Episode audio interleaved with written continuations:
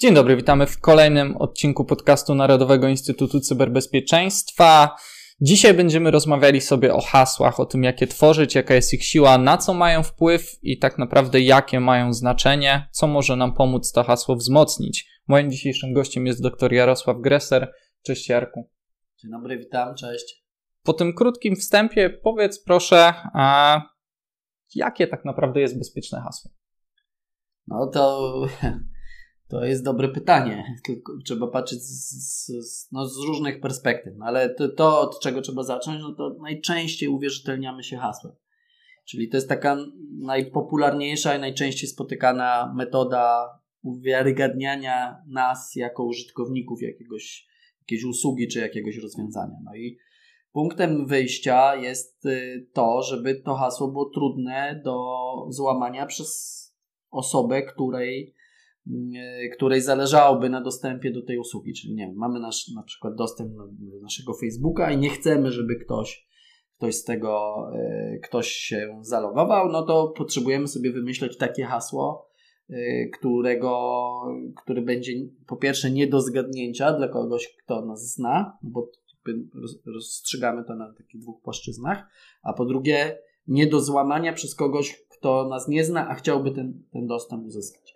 No przede wszystkim wskazuje się na to, żeby hasła były długie. Im dłuższe hasło, tym większa perspektywa, czy jakby ono jest trudniejsze do złamania w, w ataku takim brute force'owym, czyli e, przy pomocy obliczenia, jak to hasło, e, z, z, jakich elementów się składa, to wynika po prostu z tego, jak, jak hasła są szyfrowane. To znaczy jest są różnego rodzaju algorytmy, są no, oczywiście powiedzmy najpopularniejszy jest są teraz 205 AS 256, no i mamy hasło, które wpisujemy w języku naturalnym, jest w odpowiedni sposób przetwarzane i dzieje się to przy pomocy jakiejś funkcji, która to, jakby mówiąc tak upraszczając, tłumaczy na, na czy, czy koduje. I teraz im to hasło jest dłuższe, tym trudniej jest y, odwrócić to, y, to, to w drugą stronę. I teraz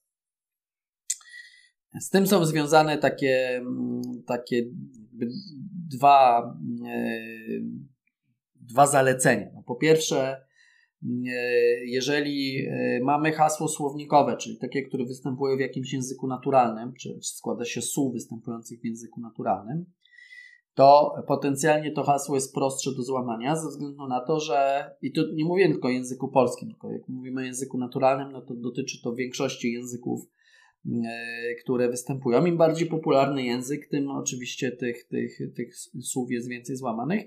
No to jeżeli występuje w języku naturalnym, to jest większa szansa, że ten ciąg, który jest wygenerowany przez algorytm, jest już z, może nie tyle złamany, co jest ujawniony. No tutaj mamy całe takie zjawisko, które się nazywa tęczowe tablice, gdzie najpopularniejsze słowa czy najpopularniejsze hasła są, e, są po prostu złamane, czy ich, e, ich e, no, skompromitowane, o tym się mówi, nie? Czyli, mhm. czyli po prostu ten, ten ciąg, który tworzy algorytm jest już przetłumaczony, no i teraz jakby osoby, które chcą uzyskać taki, taki dostęp, e, pracując e, też na psychologii człowieka, że opieramy się na, na jakichś określonych e, pojęciach, najczęściej tworząc hasła. Tutaj no, taka ciekawostka z badań wynika, że wśród mężczyzn hasło bardzo często opiera się ulubiony klub sportowy, czyli czyli... FC Barcelona 1, 2, 3. No na przykład, jeżeli ktoś jest fanem Barcelony, no nie? Mhm. A jak ktoś jest fanem, nie wiem, Manchesteru, zresztą widziałem takie, e, też takie badania, które dotyczyły właśnie jakie, to, to się robi z wycieków, czyli porównuje się bazę wycieków i próbuje się geograficznie targetować i, i faktycznie było takie, takie rozłożenie, że gdzie są kibice Liverpoolu, Manchesteru na przykład, mhm. nie? Jakiś, jakichś drużyn, drużyn londyńskich i faktycznie to się, to się bardzo pokrywało. I teraz oczywiście nazwa drużyny jest hasłem, hasłem słownikowym, ale jeżeli dodamy to 1, 2, 3, czy dodamy wykrzyknik, czy dodamy jakiś inny znak specjalny, to utrudnia to złamanie w, w oparciu o takie te najprostsze sposoby, czyli te tęczowe tablice, ale mimo wszystko, jeżeli to hasło jest krótkie, to czas na przeprowadzenie, na obliczenie jak to, tego algorytmu e, powrotnego jest krótki niż jak to hasło jest długie, czyli mhm.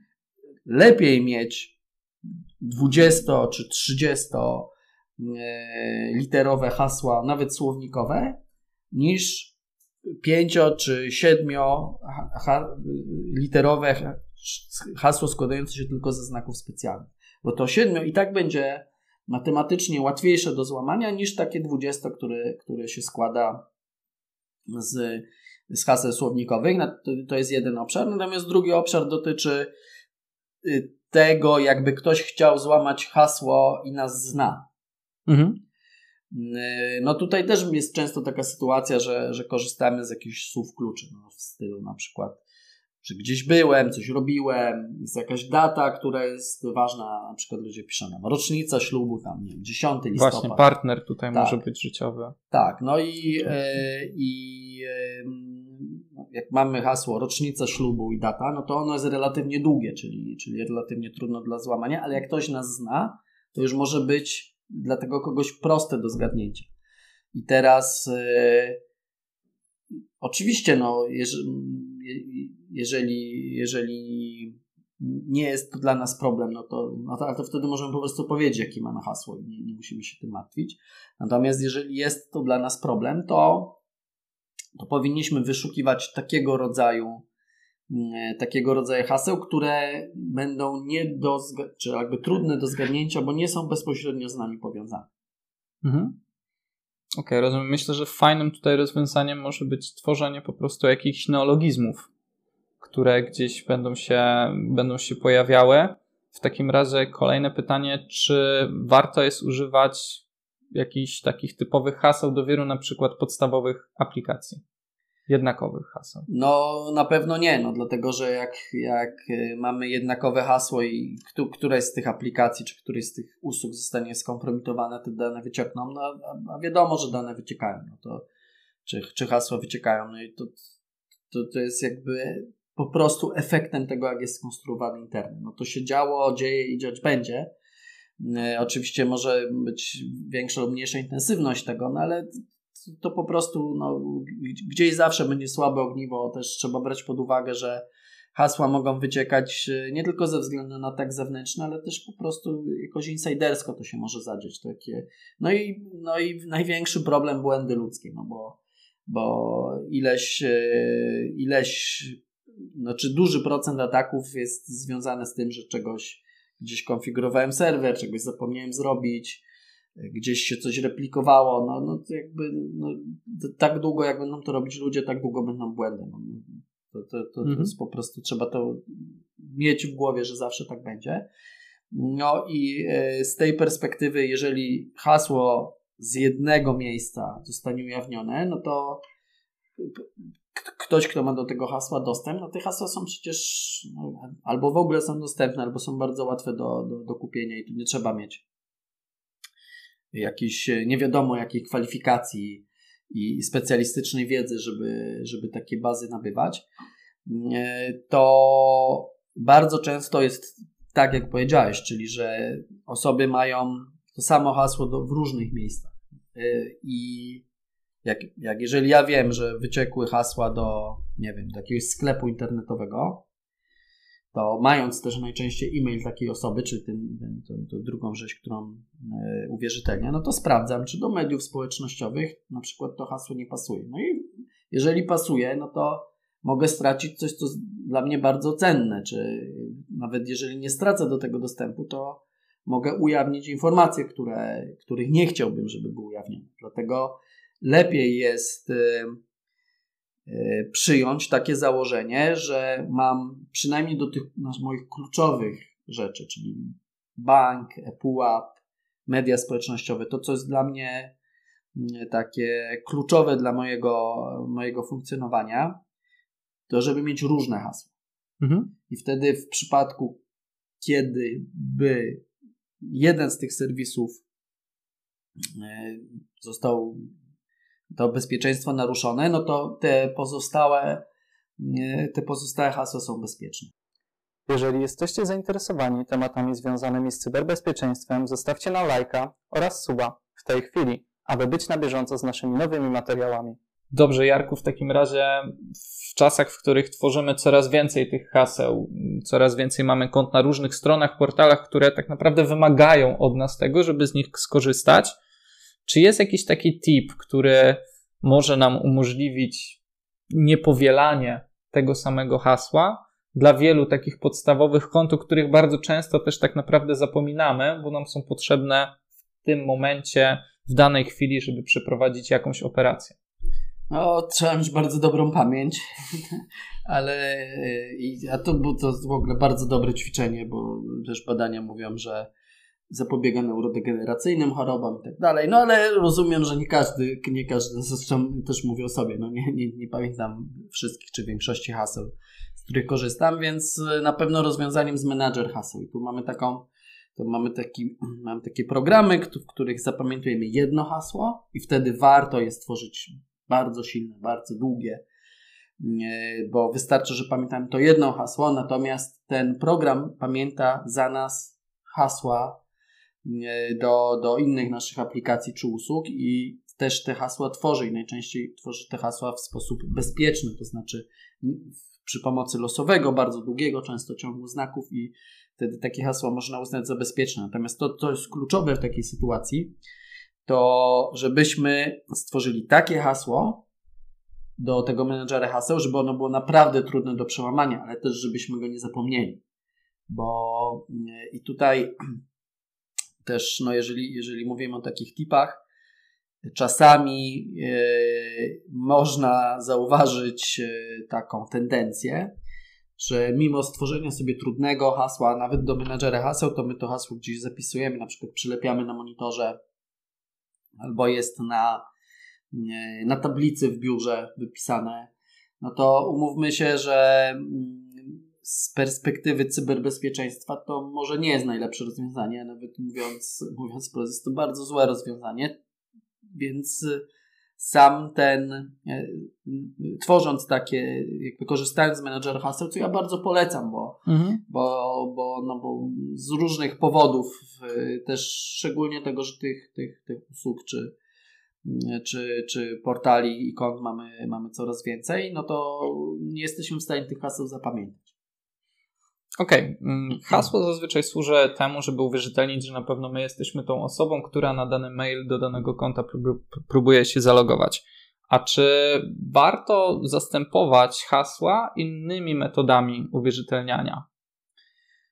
No, tutaj mamy dwie kwestie. Po pierwsze, trzeba sprawdzić, czy to się da, no bo to najczęściej nie zależy od nas. No bo jesteśmy od, jakby uzależnieni od rozwiązania, które daje nam nasz usługodawca. To nawet gdybym chciał, to, to prawdopodobnie w wielu przypadkach nie mogę tego zrobić. Ale też e, stosuje się różnego rozwiązania, na przykład i, w laptopach, i, i w telefonach biometrycznych. No i tutaj jest pytanie o kwestie prywatnościowe. No bo jeżeli ja daję odcisk palca, czy daję jakiś, jakiś inny sposób uwierzytelnienia biometrycznego, to te dane gdzieś są przekazywane i ktoś. Oczywiście są rozwiązania, które powodują, że to jest na urządzeniu i to nie jest wysyłane do serwerów. Nie zawsze tak jest, nie każdy tego typu rozwiązania stosuje, więc jakby warto się zastanowić z tej perspektywy, czy, czy ja, bym, ja bym chciał to zrobić. Yy, ale jeżeli mamy taką możliwość, to, to warto zastanowić się nad dwu, dwu, czasami nawet są możliwe więcej niż dwóch składnikowe uwierzytelnienia, to znaczy uwierzytelniamy się hasłem i uwierzytelniamy się jakimś innym sposobem, czyli albo SMS-em, albo kodem, albo mamy klucze kodowe, takie jak na przykład YubiKey, który pozwala na to, że nawet jeżeli ktoś złamie nasze hasło albo je przechwyci, to i tak nie zaloguje się nie, nie zaloguje się na konto, bo musiałby mieć, do, albo będzie mu bardzo trudno zalogować się na konto, bo musiałby mieć dostęp jeszcze do drugiego kanału komunikacji. To, to możemy to zauważyć logując się do banków. Banki, co wynika akurat z dyrektywy PSD2, czyli z, z takiego z takich przepisów, które Unia Europejska wprowadziła po to, żeby podnieść poziom bezpieczeństwa usług bankowych, zostały zmuszone do tego, żeby silniej uwierzytelniać swoich klientów, żeby było mniej takich sytuacji, że uwierzytelniam się do swoich pieniędzy czy usług bankowych tylko, tylko przy pomocy hasła, no właśnie z takiego powodu, że one są potencjalnie mało bezpieczne. No i część osób korzysta z, z kart kodowych, z jakichś tokenów.